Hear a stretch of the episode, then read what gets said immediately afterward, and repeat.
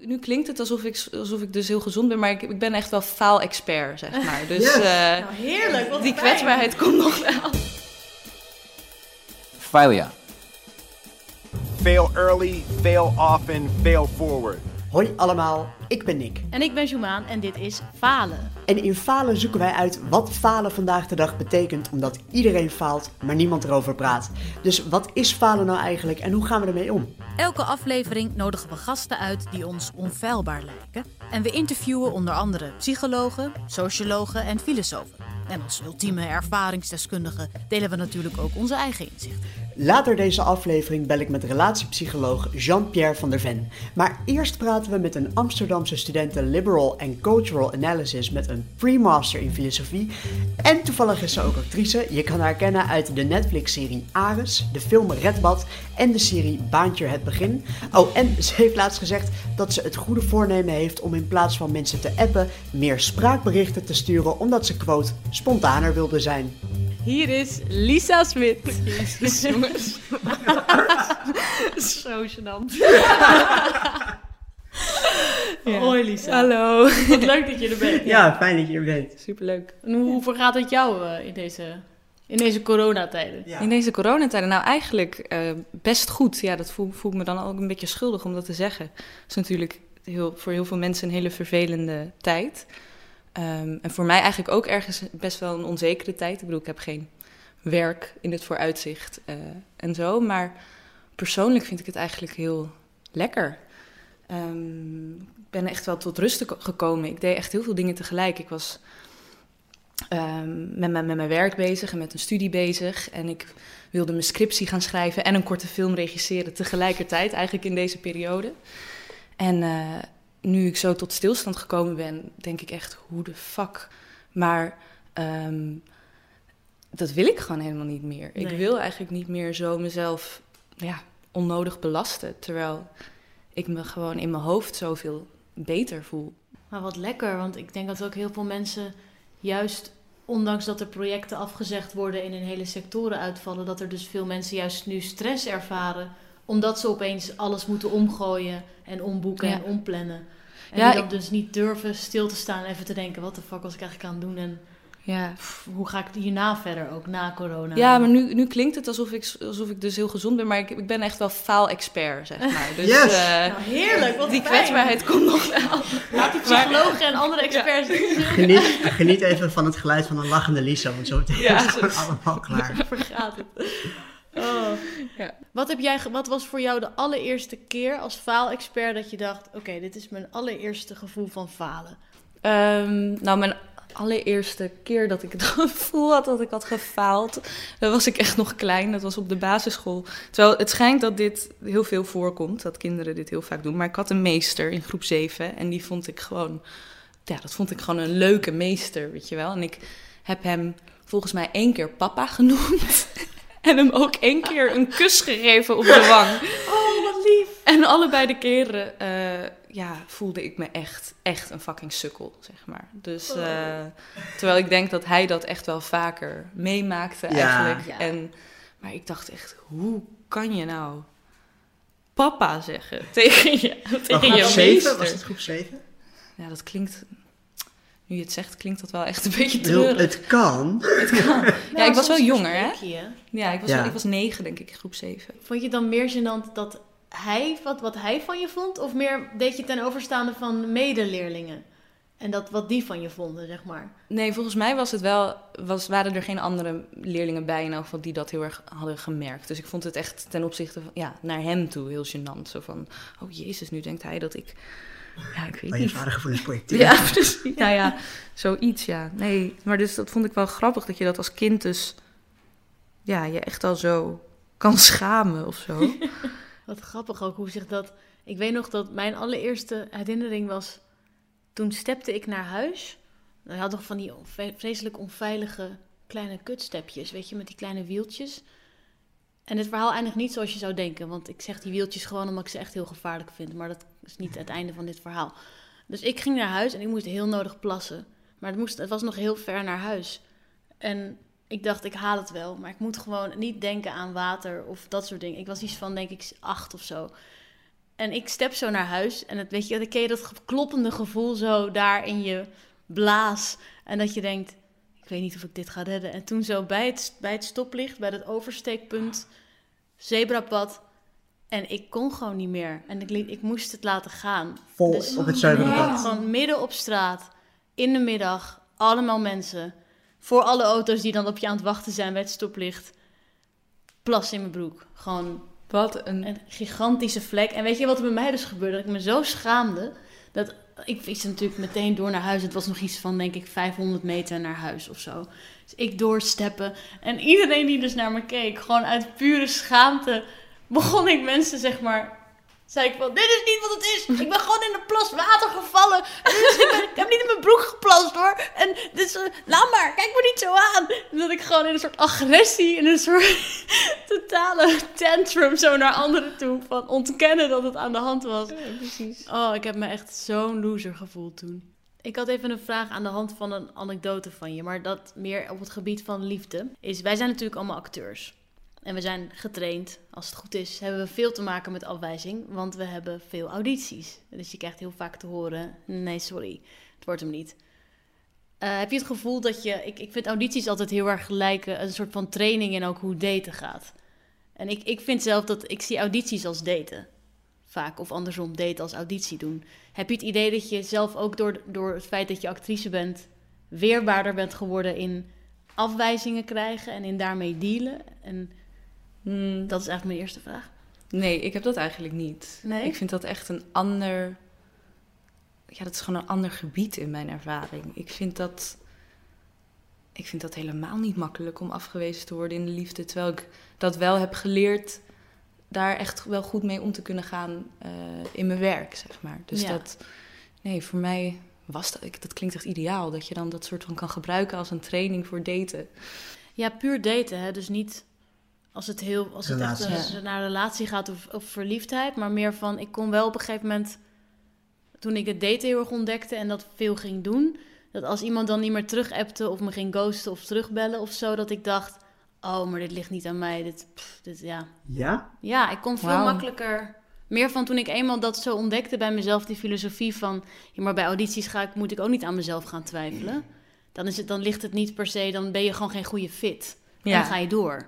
Ja, nou, ik heb ook wel eens, ik bedoel, ik heb nog steeds, ja, ik, ik weet wel dat als je op auditie komt, dan ben je goed. Weet je, als iemand vraagt wil je op auditie komen, dan ben je goed genoeg voor de rol in a way.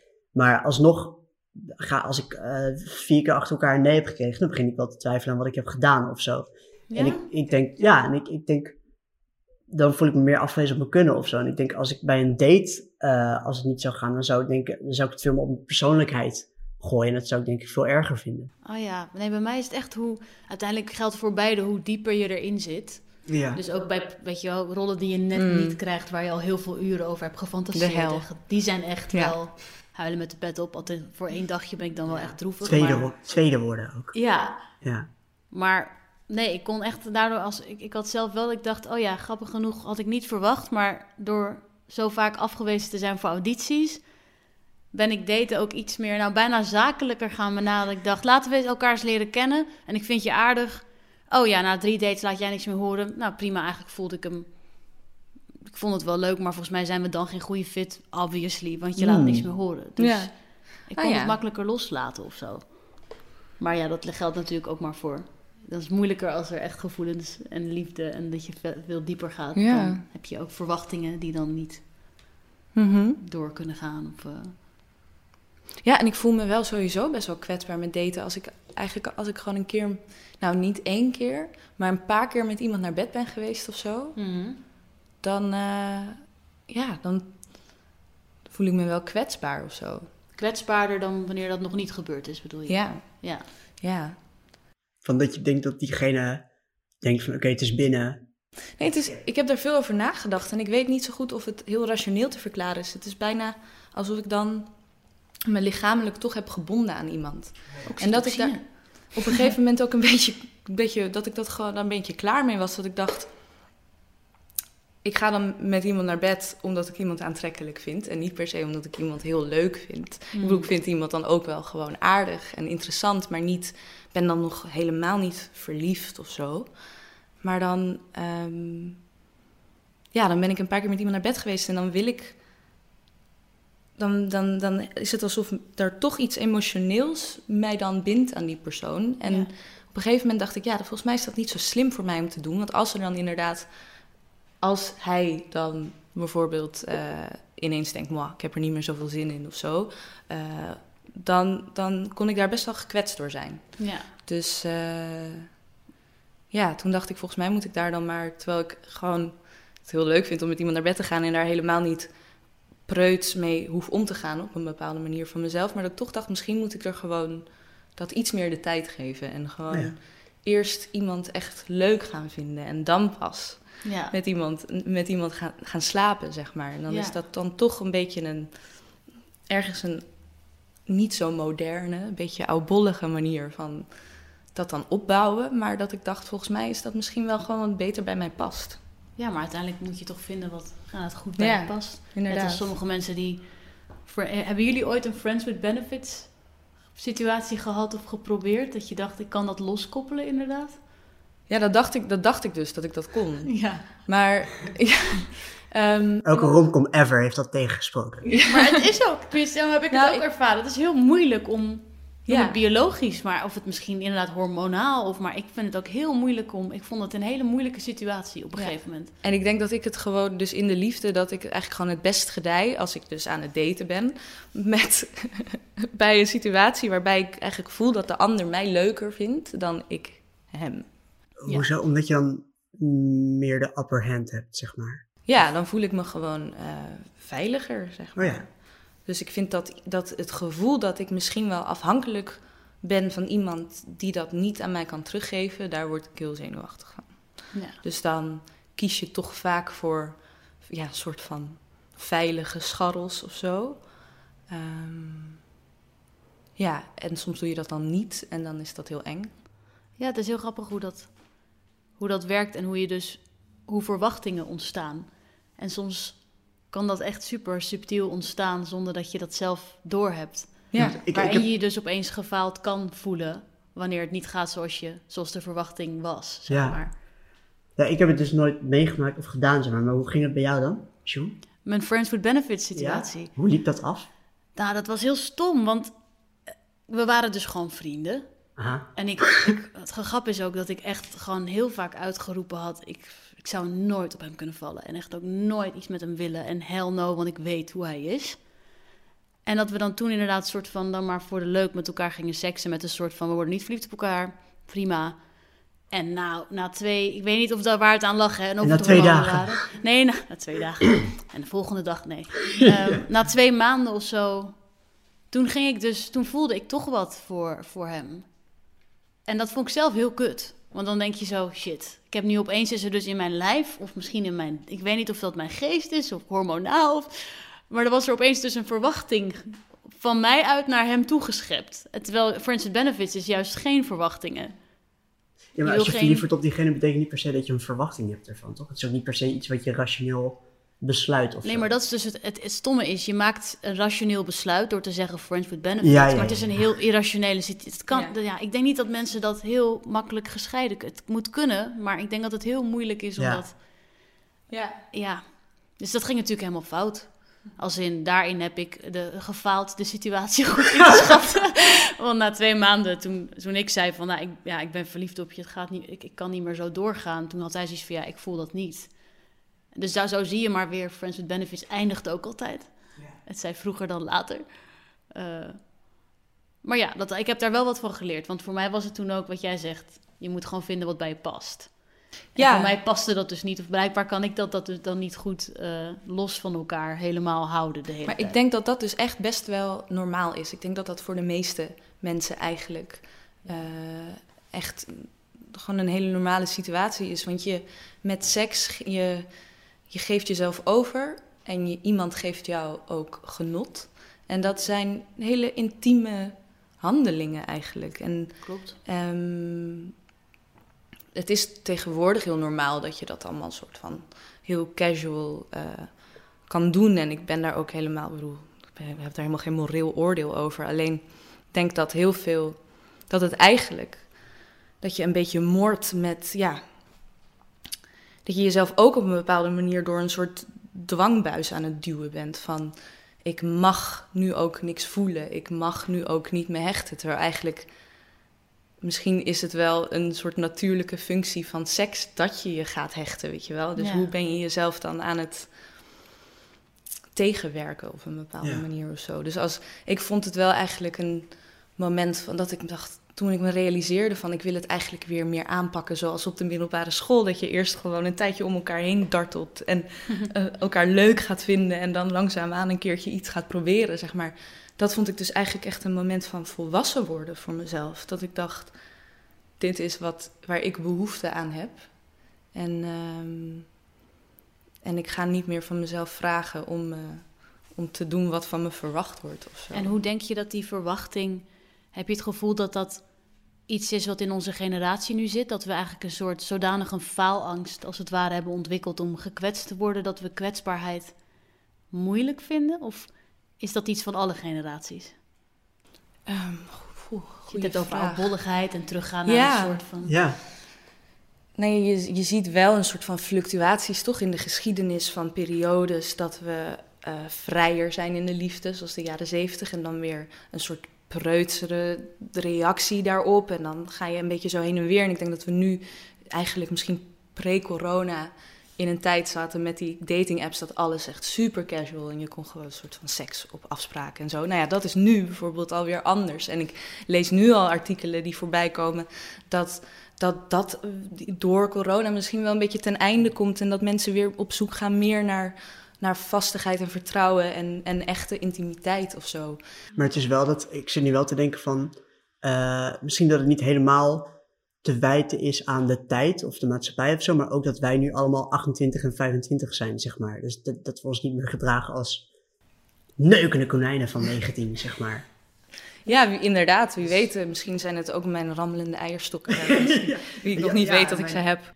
Soms vraag ik me ook af, is dan de persoon waar je een relatie mee hebt dan gewoon zeg maar eigenlijk een supergoeie vriend van je, plus dat je, die- dat je ook seks hebt met diegene, of is het gewoon Ik wezenlijk denk een goede relaties relatie? wel hoor. Ik denk, Ja. ik denk echt leuke relaties. Weet je wel, het sluit ook niet uit dat je passie hebt of zo. Maar ik goede relaties, die, die lachen fucking veel, denk ik. Je bent echt heel. Ja, Ja, ja, zeker. Het is gewoon Dat echt de sowieso. beste vriend die je ook super hot vindt en de hele tijd wil bespringen. Volgens mij is dat echt... Ja, dat is, Ja, ja, ja, alles gecoverd. toch? Ja. Ja, Maar wie, met wie je ook heel lelijk en dom kan doen en een soort van niet sexy kan doen. Want dat, ik vind het wel leuk, die twee componenten. ja. Aan de ene kant wanting to jump each other's bones en aan de andere kant ook zeg maar super uitgezakt op de bank. eh. Ja. Alhoewel ik dus wel, ik heb dus echt, echt net een, een nieuwe relatie. Ja, Echt super congrats. fucking Yay, paar weken vers. Ja, super leuk. maar ik heb wel zo bijvoorbeeld echt een beetje het voornemen dat ik, zeg maar, ik heb al wel eens een scheet bij hem in de buurt gelaten, weet je wel, omdat ik het gewoon niet echt kon inhouden. En hij heeft dat ook gedaan. En hij is daar echt super chill over, zeg maar. Alleen, ik heb gewoon in het verleden ook wel relaties gehad dat je dat dan op een gegeven moment echt helemaal laat gaan. Ja, En ik wil daar ook niet helemaal naar terug of zo. En dat is dan toch ook een beetje omdat je. Ik weet niet. Ik wil zeker dat het kan. Ook zeker als je anders soort van buikpijn hebt of zo. Of weet je wel, het moet je niet echt in de weg zitten. Maar ik denk toch dat het goed is als je ook probeert het een beetje buiten, zeg maar. Ook een beetje buiten, los van elkaar te houden, zeg maar. Dus dat ja, je dat de je ander. niet echt broer-zus wordt. Niet zeg maar. helemaal, ja. Want Ja. anders dan gaat het denk die ik dus seks heeft. ja, dan wordt dat een beetje zo. Of dan, daar dan, of je moet elkaar toch ook wel gewoon een beetje sexy blijven vinden. Ja. Dus dat is nu een beetje mijn, mijn, mijn voornemen. voornemen. Ja, maar hij was het dat dan, daar. denk je dan in geheimzinnig dus blijven naar elkaar toe? Of dat je bepaalde aspecten van jezelf dan dus niet helemaal laat zien? Of zit dat hem juist in... Nee, het zit hem gewoon in, denk ik, dat. dat ja, nee, want bijvoorbeeld, we waren eh, een paar dagen geleden naar eh Giethoorn geweest. Wat nu dus echt helemaal leeg is, wat echt fantastisch is. En we liepen daar en ik moest naar de wc. Maar ja, je hebt daar alleen maar grachtjes en huizen van mensen en tuinen. En toen ben ik dus. eh, toen was, zocht ik dus naar een manier om te plassen. We waren bij een soort steigertje tussen twee huizen in. Hij zei: Ja, je moet gewoon ja, gaan hurken en dan over de rand in het water plassen. Maar dat, dat haalde ik gewoon niet. Dus dan zou ik gewoon op die steiger plassen. Toen kwam hij me dus helpen. Ja, Dus toen gewoon is de hij ultimate dus- bro, zo hand in Ja, hand, ja, hij heeft zo mij gewoon twee arm. armen gewoon. Dus hij, ik kon ik kon zeg maar hangen aan zijn armen en dan zo naar achter en dan zo plassen. Terwijl hij me gewoon tegenhield. Ja, ik vind dus ook, Ja. in a way, vind ik dit zo romantisch as fuck. Ja, Zometeen praten we verder met Lisa, maar eerst bel ik met relatiepsycholoog Jean-Pierre van der Ven over falen in relaties. Relatiepsycholoog spreekt met eh, stellen, dus met ehm, eh, man en vrouw, man en man, vrouw en vrouw stellen over hun eh, relatie. En de reden om mij op te zoeken is natuurlijk dat er problemen zijn. En die varieert van eh, veel ruzie maken tot eh, weinig seks hebben, tot... ehm, nou, dat kan van alles eigenlijk aan de hand zijn. Nou, dan, dan is natuurlijk de bedoeling dat ehm, ik niet alleen met ze achterhaal wat er nou precies aan de hand is. Hè, dus dat we niet alleen een analyse maken, maar dat, ik, ehm, dat, dat die mensen ook in actie komen. Zeg maar, is dat dan huiswerk wat ze opkrijgen? Ja, ehm, soms geef ik mensen huiswerk op. ehm, om een voorbeeld te noemen. bijvoorbeeld vanmorgen mensen die eh, een soort onduidelijk verhaal hebben over wat, wat er nou precies gebeurt thuis. Of dat nou eh, ergernissen zijn eh, of, of, of gewoon ja, oude, oude koeien, oude grieven. Dus dan vraag ik aan ze, nou hou het dan gewoon bij. Ehm, eh, Vroeger zei ik altijd koop een notitieblokje, maar nu zeg ik zet het in je telefoon. Als je ehm, eh, iets mist wat, wat, je wel had willen hebben, of als, je, eh, als er wel iets gebeurt wat je liever niet had eh, gehad, nou, maak een korte notitie daarvan en dat kunnen we dan hier gaan bespreken. Eh, en dat is dan voor, voor mij bedoeld om echt zicht te krijgen op wat er thuis gebeurt, maar voor hun natuurlijk ook, eh, zodat we een Ja. aangrijpingspunt vinden waarop ze echt iets kunnen veranderen. En, en wat zijn de ehm, ja, meest gestelde vragen of klachten die je te horen krijgt van je cliënten? Dus het gaat meestal om eh, ruzies waarbij de, de een de ander de schuld geeft. Dus Oh ja, mensen komen bij me als stel, maar hebben toch wel in hun achterhoofd in elk geval, en meestal ook in hun voorhoofd, het idee dat eh, het allemaal ligt aan hun partner. ja. Dus, dus Harry zegt, dit is Harriet. Ik ben al twintig jaar met haar samen. Ik word er helemaal gek van. Ik kan er niks aan doen. Eh, misschien kun jij het eh, voor me repareren. En Harriet die zit daar blij te kijken met zo'n blik van... Ja, dat zegt Harry altijd. Dat is precies het probleem. Komt het vaak voor bij gesprekken dat Harriet denkt van ja, je kiest wel heel vaak partij van Harry, zeg maar? Dat lijkt me heel moeilijk Dat balanceren. klopt. Ja, dat is een van de dingen die vaak terugkomen in eh, mijn lessen. Ik geef ook lessen aan mensen die relatietherapeut willen worden. En, en dit, deze vraag krijg ik altijd. Eh, dus hoe, hoe zorg je dat je allebei de partijen binnenboord houdt? Ja, Hè? Ehm, hoe zorg je dat je niet een, een, een bondje aangaat met de een eh, en de ander verliest? Ja. bijvoorbeeld een bondje, omdat eh, ik- eh, wij zijn allebei mannen en, en eh, die, Ja, die man is getrouwd met een vrouw, dus dat geeft al een bondje. Of die vrouw die gaat mij versieren en dan krijgen we zo'n soort bondje en dan valt Ja. een ander buiten. Of nou, alles wat je maar kunt bedenken gebeurt. Het, ik beschouw dat als materiaal. Dus als zoiets gebeurt, dan, dan geef ik het terug, zeg, zoals het heet. Dus ik maak ze erop attent dat die interactie plaatsvindt. Want als ze dat met mij hebben, zullen ze dat ook met heel veel andere mensen hebben.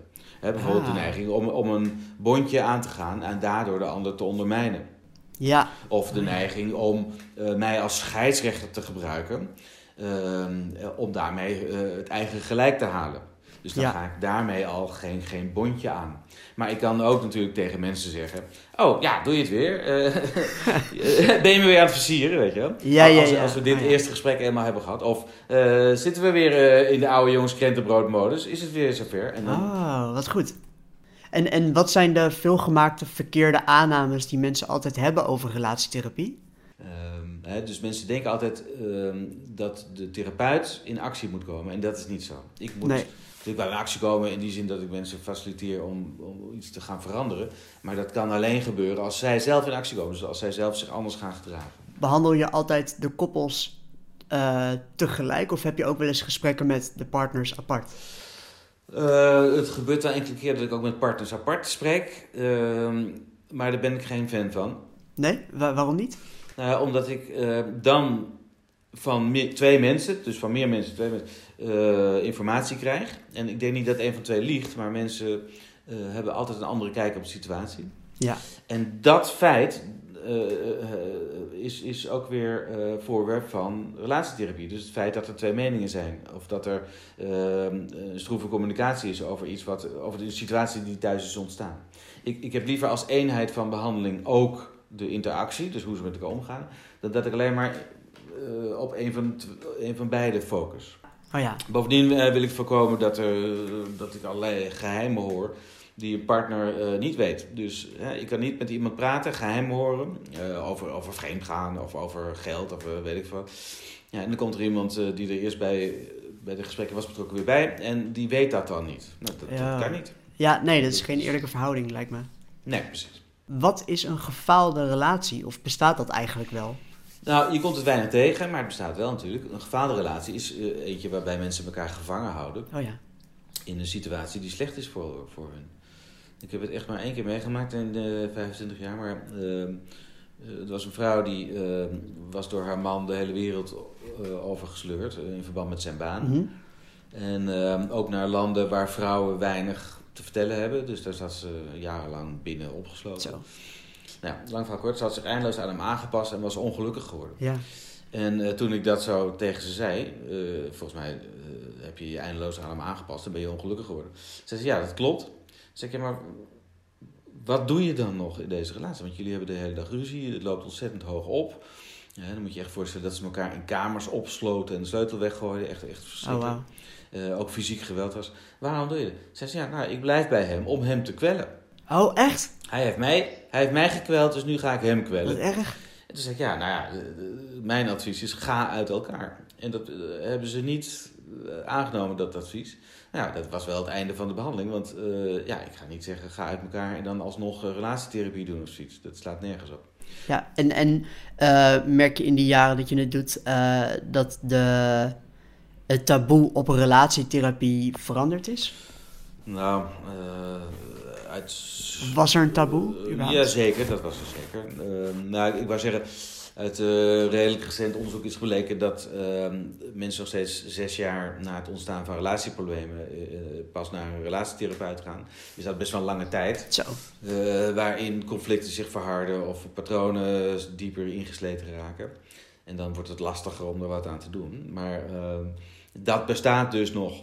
Ehm, tegelijkertijd merk ik wel hier in Amsterdam uh, dat het ook wel gewoner wordt hoor. Dus, dus, uh... Ja, want ik kan me voorstellen bij sommige stelletjes dat één van de twee met het idee kwam: we moeten in relatietherapie. En dat de ander zei: nou oké, okay, oké, okay, jammer, prima. Uh, merk je dat diegene die in het initiatief nam. Uh, meer welwillend is om het huiswerk te doen en zijn of haar gedrag aan te passen? Of, nou, soms of, wel. Zie ik dat verkeerd? Ja, goede vraag. Soms Oh, ja. is degene die zich heeft aangemeld welwillend. En moet ik de, de ander meer overhalen om überhaupt nog terug te Ja. komen voor een volgende zitting. Hè? Dat, uh, maar uh, niet altijd, want soms is degene die contact heeft gezocht ook van mening dat het aan de ander ligt. Dus als ik zeg, ehm, volgens mij ligt het niet aan die ander, maar ligt het aan jullie of aan jullie interactie of de patronen tussen jullie. Dan kan zo iemand ook in zijn of haar wiek geschoten zijn. Dus, dus denken, nee, hier kom ik niet voor. Ik kom ervoor dat, dat mijn partner wordt gerepareerd. En nu moet ik zelf in actie komen? Nee. Dus, dus ik moet ook wel degelijk ervoor zorgen dat uh, soms, hè, dus dat, dat diegene die zich heeft aangemeld ook gemotiveerd raakt voor gedragsverandering. En heb je voor luisteraars die nu in de breedste zin relatieproblemen hebben, heb je daar tips voor? Ja, dat is ook weer een hele brede vraag. Uh, tips Mhm. voor relaties, ja. Dan zit ik dus weer in die positie van de therapeut die alles weet. Maar goed. Wacht niet zes jaar. ja, dat is in elk geval één tip. Uh, wacht niet te lang voordat je in relatietherapie gaat. Want uh, hoe eerder je gaat, hoe korter het duurt, zou ik maar zeggen. Alhoewel, Ja. ik doe altijd vrij kortdurende relatietherapie. Ik zie mensen misschien vier keer, vijf keer. eh, ja. Oh ja? En ehm, ja, ja, vanaf het begin af aan stuur ik aan op eh, gedragsverandering. Hmm. Kijk, als, de, en als dat er niet van komt, ja, dan ga ik ook niet eh, doorzitten analyseren. Of wat ga ik dan doen? Oh, je, moet het, je moet het wel doen, hè? Wat ik al vier keer heb gezegd, maar je doet het nog steeds. Dat ga ik niet doen. Maar dat Nee. komt eigenlijk zelden voor. Dus, Ja. dus over het algemeen lukt het wel. Dus ehm, ja, eh, de aanrader is, ga snel in therapie. En met deze extra kennis over relaties praten we verder met onze hoofdgast Lisa Smit. Wat kun je iets vertellen over je vorige eh, relaties en ehm, Ja, ja. Eh, ja, ik had eh, inderdaad een van mijn exen, die, eh, die heb ik in Nederland leren kennen, maar die heel snel in onze relatie, toen was ik, hoe oud was ik? 18, 19 of zo. Ehm, ik was super verliefd op hem. Hij, hij is cameraman en hij was net aangenomen op een hele goede school in Londen. En hij had al het plan om daarheen te gaan. Toen kregen wij een relatie, werden wij verliefd. Nou, hij vond het vanaf het begin af aan eigenlijk heel ingewikkeld. Ehm, omdat hij mij als een soort van. Ja, hij wilde gewoon naar Londen gaan en Nederland achter zich laten. En echt, eh, weet je, het was een van zijn stappen richting Hollywood. En, ehm, en ik was eigenlijk gewoon een soort last die hem dan in, uh, in, in Nederland zou houden. Die hem dan zou terugverlangen naar een plek waar hij eigenlijk helemaal niet per se wilde zijn op dat moment. Maar goed, we waren super verliefd, dus we gingen het toch proberen. Um, en ik was ook toen gewoon super romantisch ingesteld. En ik uh, dacht, oh, jij bent jarig geweest. Ik ga jou um, meenemen naar je lievelingsstad Rome. En dan gaan we daar in een hotel zitten voor vijf dagen. En ik ga het je niet vertellen. Ik ga alleen zeggen dat we ergens naartoe gaan. En um, toen uh, had ik alles geboekt, echt dagenlang internet uh, afgestruind. Het kan dan een soort van mega perfectionistisch worden, weet je wel. Dat je zo echt het leukste hotelletje wil boeken en zo. Nou, alles gefixt. En toen een week voordat we zouden gaan, hij wist dat we weggingen. Toen uh, maakte hij het uit. Oh my god. Ja, en ik was, dit was, de, ja, ik was nog super jong in de liefde. En ik had alleen nog maar vriendjes gehad op de middelbare school waar ik het dan mee uit had gemaakt. Dus dit was echt voor mij. Ik kon. En ik was zo verliefd. Het was echt nog zeg maar in die periode dat je. Zo die honeymoon face. Weet je, we gingen gewoon letterlijk op een soort honeymoon, ja. weet je wel. Ja. En uh, hij, maakte het, hij maakte het uit. En ik heb zo, zo hard gehuild. En echt hem gesmeekt en aan hem getrokken. En zo echt dat je al je eergevoel gewoon, weet niet, dat is verdwenen. uh, oh, ja, dat was echt, dat was echt heel, heel heftig. En later ben ik ook nog gewoon zo lang boos geweest over die timing, zeg maar. Ja.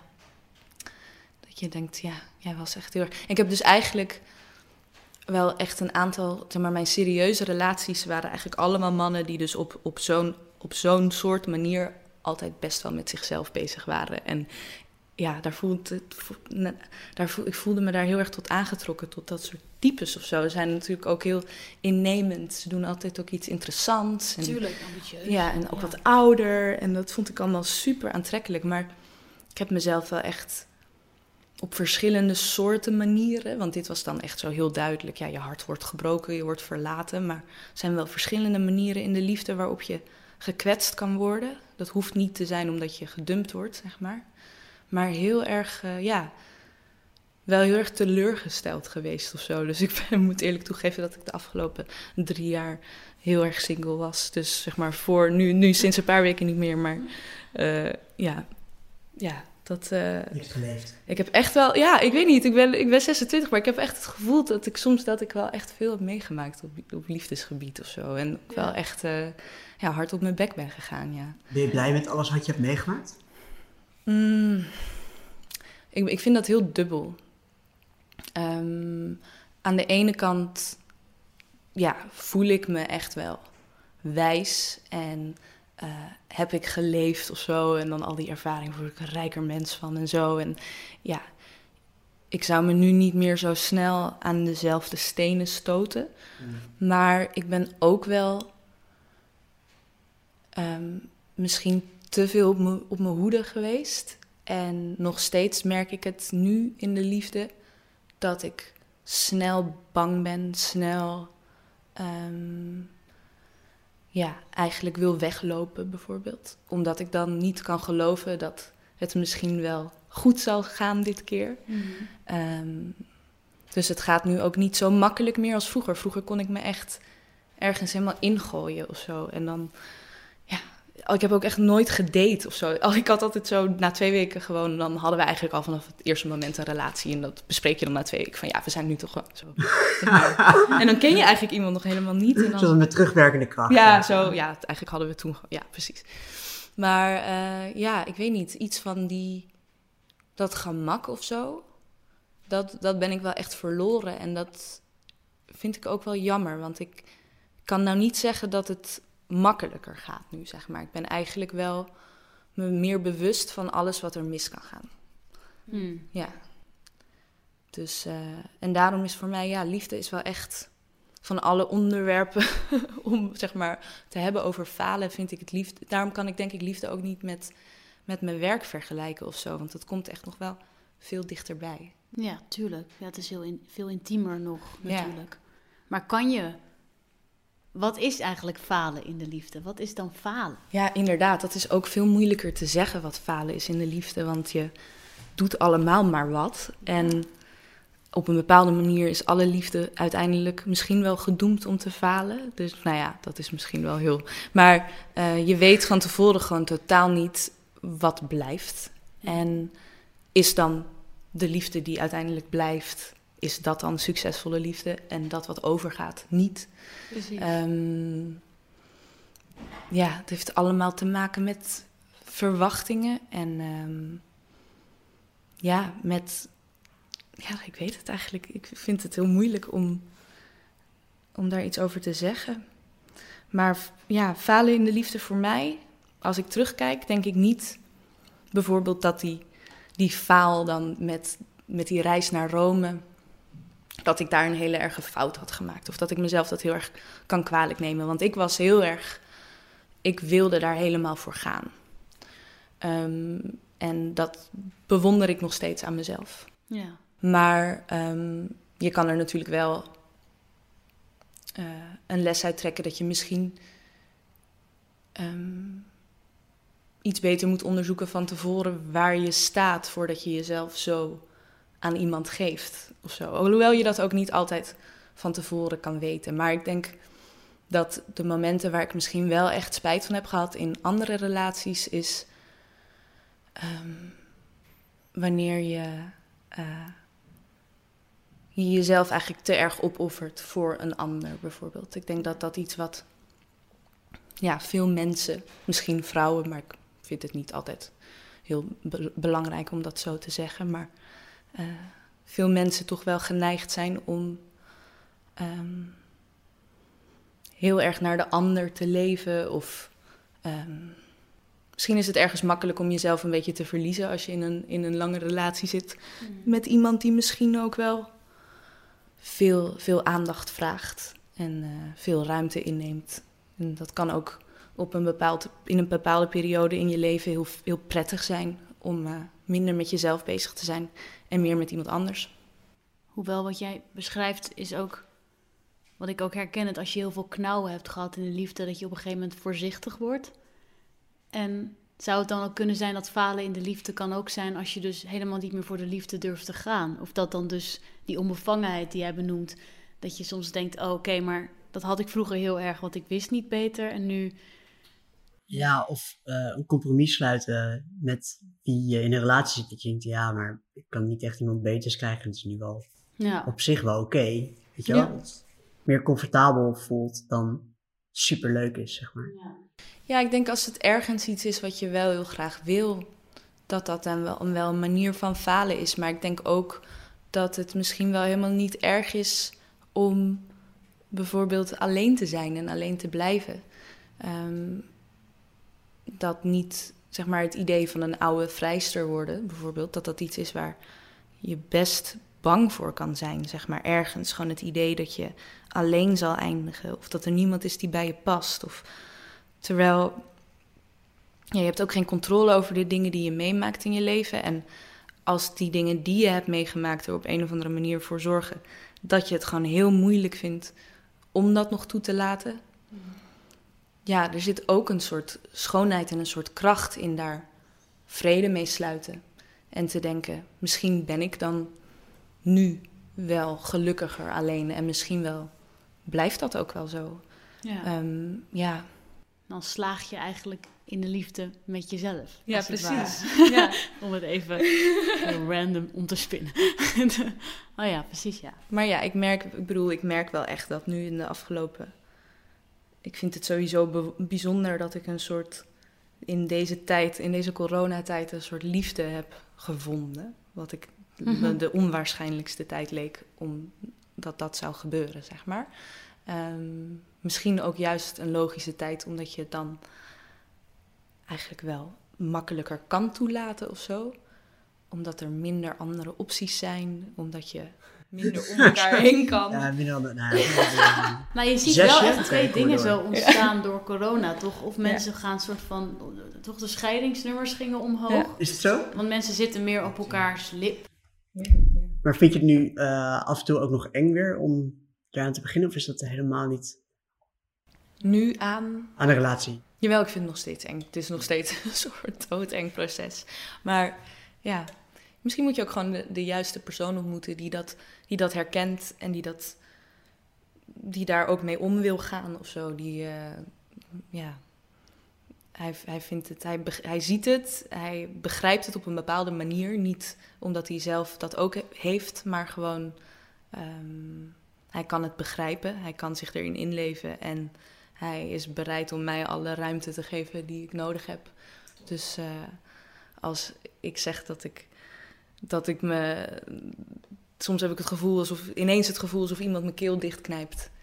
Eh, en omdat ik. Ja, dan voel ik me gewoon bang en in het nauw gedreven of zo. En dan eh, zegt hij: Nou, dan ga je even naar huis. En dan ga je gewoon. Dan, dan kijk maar hoe lang, je, hoe lang je alleen wil zijn. En dan bel je me gewoon weer. Ja, Mooi, Ja, fijn. lief. ja super lief. En zou je denk je door al die ervaringen nu echt dingen anders doen? Dat je aan jezelf merkt, oké, even, kijk, ik sta weer open voor de liefde, dat dan wel. Maar ik heb ook Nou ja, dit geleerd van... Precies geen scheten meer bij elkaar in de buurt laten. Dat is eigenlijk Dat was Daar is elke keer wel op stuk gelopen. Ehm, ja. Ik denk dus gewoon het, het, het echt willen behouden van mijn eigen van mijn autonomie. Dat is dus ook waar ik dus nu heel erg zenuwachtig van kan worden. Als, me dat, eh, als ik het gevoel heb dat ik, dat ik ineens misschien wel iets te veel met hem meega. Of dat ik even niet weet waar ik zin in heb. Dan, dan, dan word ik zenuwachtig. Want dan denk ik, ik moet wel in contact blijven met mezelf. Ja. Ik moet, eh, dus ja, ik weet niet, dat, dat, die band met jezelf heel goed onderhouden, denk ik. Ja. Want dat, dat, dat- dat heb ik wel een beetje kunnen verwaarlozen af en toe. Ehm, en dat jezelf wegcijferen, denk je dat dat... Denk je dat vrouwen daar meer last van hebben? Want ik vind het heel herkenbaar. Ehm, denk je dat vrouwen daar meer last van hebben dan mannen? Ja, ik denk dat, over, ja, dat er wel een bepaald... Volgens mij heeft ooit iemand een keer tegen mij gezegd dat... ehm, dat als je zeg maar een soort een sterrenstelsel hebt, dat dan dat de, de man vrij vaak de zon is en de, en de vrouw een planeet die er omheen draait, zeg maar. Jezus. Eh, ja, dat dat een soort heel best heftig eigenlijk. Eh, maar dat dat een soort natuurlijke neiging is. eh, ja, die vrouwen misschien meer ehm, nou ja, wordt meegegeven van eh, houd rekening. Sowieso denk ik dat vrouwen over het algemeen misschien wel vaker te horen krijgen dat ze met van alles rekening moeten houden. Ja. Terwijl mannen misschien wat vaker gewoon mogen zijn zoals ze zijn. Ook als je kijkt naar, weet je, wat er van, van, van uiterlijk verwacht wordt. Of, eh, nou ja, ja, dat je als vrouw toch...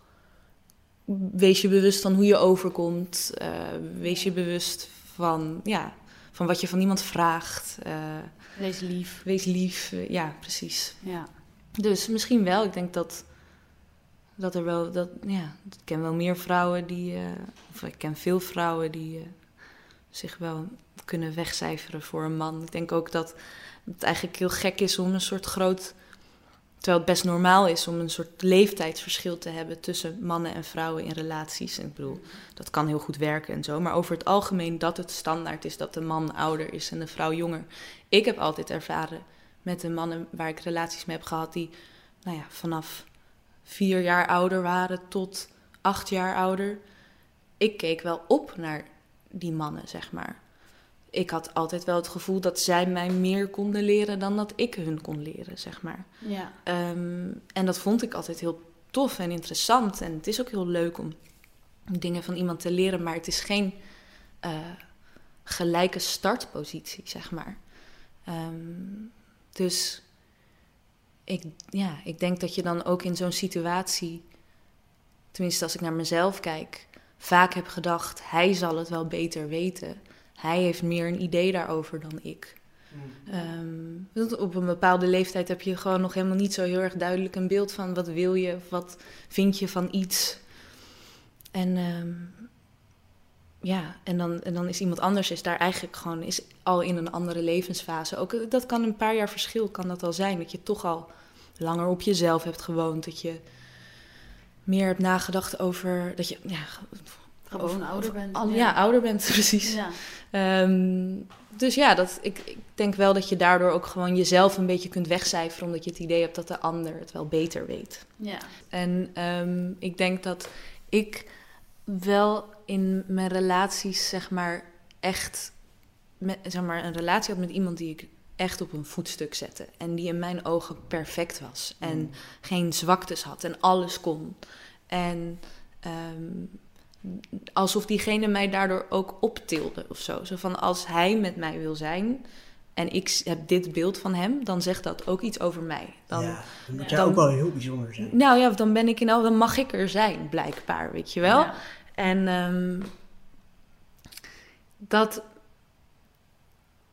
Ik merkte ook in de afgelopen jaren dat ik single was, dat ik hele, nog steeds worstelde met die hoge eisen die ik dan ook dus op een bepaalde manier had voor dan de ander. Van nog steeds op zoek naar die soort van perfectie, terwijl ik tegelijkertijd niet meer geloofde in die perfectie of zo, dat dat bestond. Want al die mannen zijn voor mij ook door de mand gevallen, weet je wel. Dus ik dacht, oh ja, dus dat bestaat helemaal niet. Je kan je helemaal niet door dat gevoel laten leiden. En tegelijkertijd wil ik ook geen zwakte zien bij de ander. Of eh, eh, vind ik het onaantrekkelijk als iemand iets niet goed kan. Of ergens niet veel van weet. Of eh, ja, dat ik beter zou kunnen koken dan mijn partner, weet je wel. Van, dat vind ik, dat, hè? Dat is, dat ik dan ergens beter in zou zijn. Dat, zou ik, dat vond ik dan on- onaantrekkelijk, zeg maar. En dat is wel, ja, terwijl ik juist denk dat het dus super gezond is.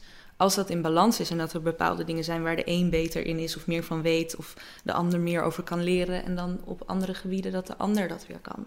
Ja. En dat- ja. het lijkt me ook heel belangrijk dat het een soort gesprek blijft en met interesse of zo. Van, stel, eh, weet je wel, jij kan, Lisa, ik wijs je naar Lisa, dat zie je niet, maar dat doe ik.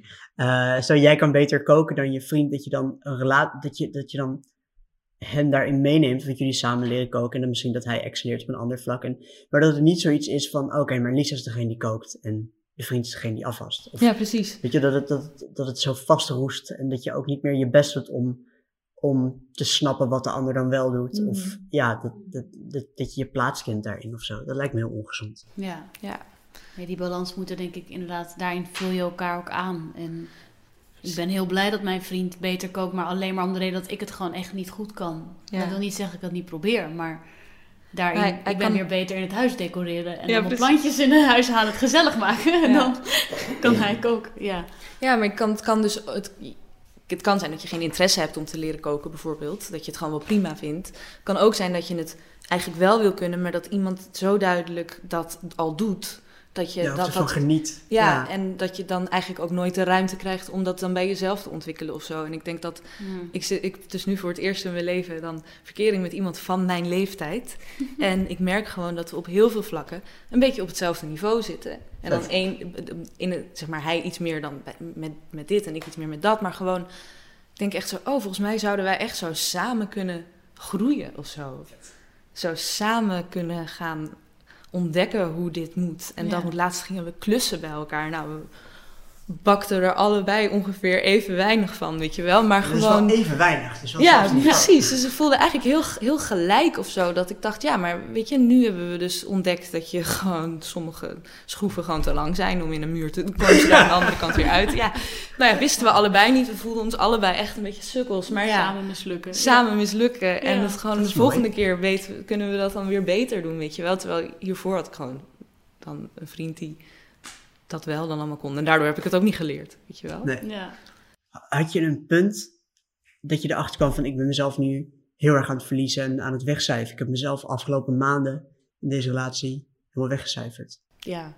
En was het een heel specifieke gebeurtenis of was dat meer dat het patroon zich ontvouwde en dacht holy shit, dit gebeurt gewoon om zoveel tijd. Nou, ik was gewoon al heel lang niet gelukkig. En op een gegeven moment, ja, ga je je toch afvragen waarom. En ehm, het, was, het is gewoon een, een, het was een relatie met heel veel stress en heel veel, eh, nou ja, hectische dingen die gebeurden, maar ook hij was heel, of is gewoon een beetje een, eh, een moeilijke man, zeg maar. Ja, en ik denk dat het gewoon zoiets. Dat.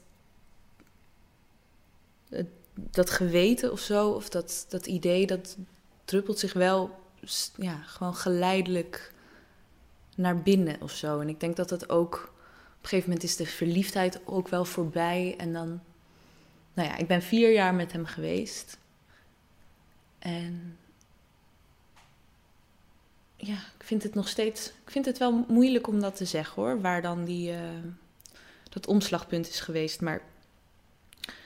Ja, ik voelde me al heel lang niet. Um, niet senang, zeg maar. Uh, eigenlijk. Alleen hou je ook heel veel van iemand. En heb je er ook al heel veel in gestopt. En ik denk dat ik ook super trouw ben en dat ik altijd echt er helemaal voor ben gegaan, zeg maar. Dus ik, ja, misschien zag ik het ook als falen om op te geven of zo. Hmm.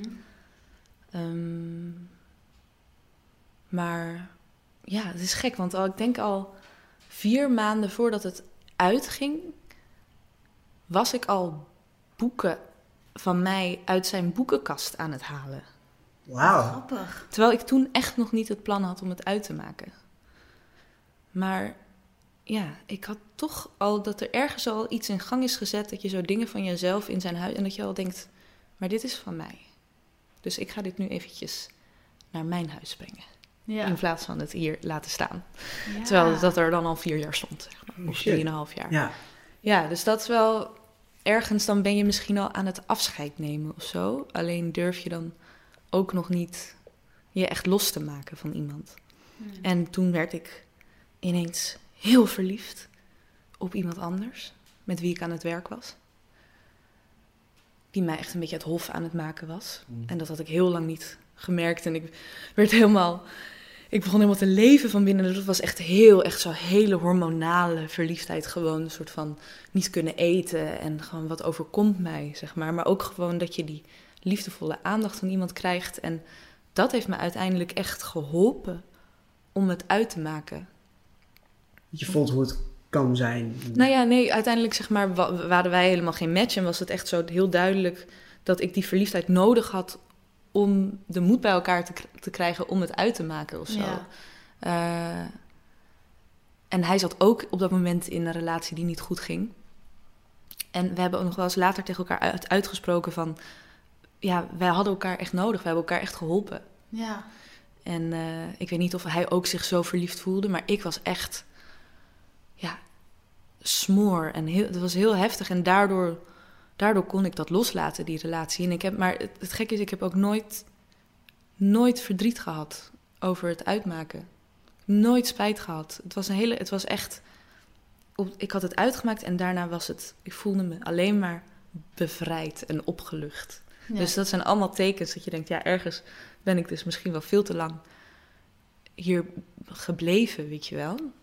En heb ik het hele rouwproces al doorgemaakt terwijl we nog samen waren. Maar uh, ja, uiteindelijk, uiteindelijk heeft het me toch dus nog wel behoorlijk, een behoorlijke tijd gekost om gewoon weer nou ja, het aan te durven met iemand anders of zo. Ik kan me zo voorstellen dat je gewoon op zo'n moment, al is het dat die verliefdheid misschien gebaseerd is ook op een soort van, wow, maar dit kan ook, of zo. En dat eigenlijk alleen al het idee dat iets anders kan dan waar je nu in zit, dat dat eigenlijk ook een soort van een verliefdheid oproert in je lijf of zo. Ik kan me dat heel goed voorstellen, ja. Ja. En ik denk dat je altijd eventjes verliefd kan worden op iemand terwijl je in een relatie zit. En dat dat helemaal niet het einde van je relatie hoeft te betekenen. Ik denk dat je daar niet altijd naar hoeft te handelen. Maar um, het, was een, het was gewoon een escape. Ja, ik snap het wel. Nou, dat vond je, ik vond, ik weet niet hoe Sma, maar ik vond je echt een hele chille gast om te hebben. Ontzettend chill, ja. ja. En dankjewel voor je openheid en dat je met ons samen, dat we samen een loser club konden vormen. Ja, ja altijd fijn. Ik voel me heel welkom in de loser club. Ja, altijd welkom. Zeg luisteraar, heb jij nou zelf een faalverhaal dat jij heel graag met ons wilt delen? Stuur hem op als tekst of als audiomessage naar falendepodcast.gmail.com. Lisa is te volgen op Instagram via Lisa Smit en dan drie lage streepjes. En relatiepsycholoog Jean-Pierre van der Ven is te vinden op www.jeanpierrevanderven.nl. Check vooral de show notes voor alle links. Ook wij zijn te vinden op de socials. Falen de podcast op Twitter, Instagram en Facebook. En vond je deze podcast leuk? Stuur hem door naar al je vrienden en geef hem 5 sterren in. Ja, weet ik veel wat voor podcast heb jij luistert. Het maakt me ook allemaal niet uit. Doeg! Was dat gescript? Ja. Ja.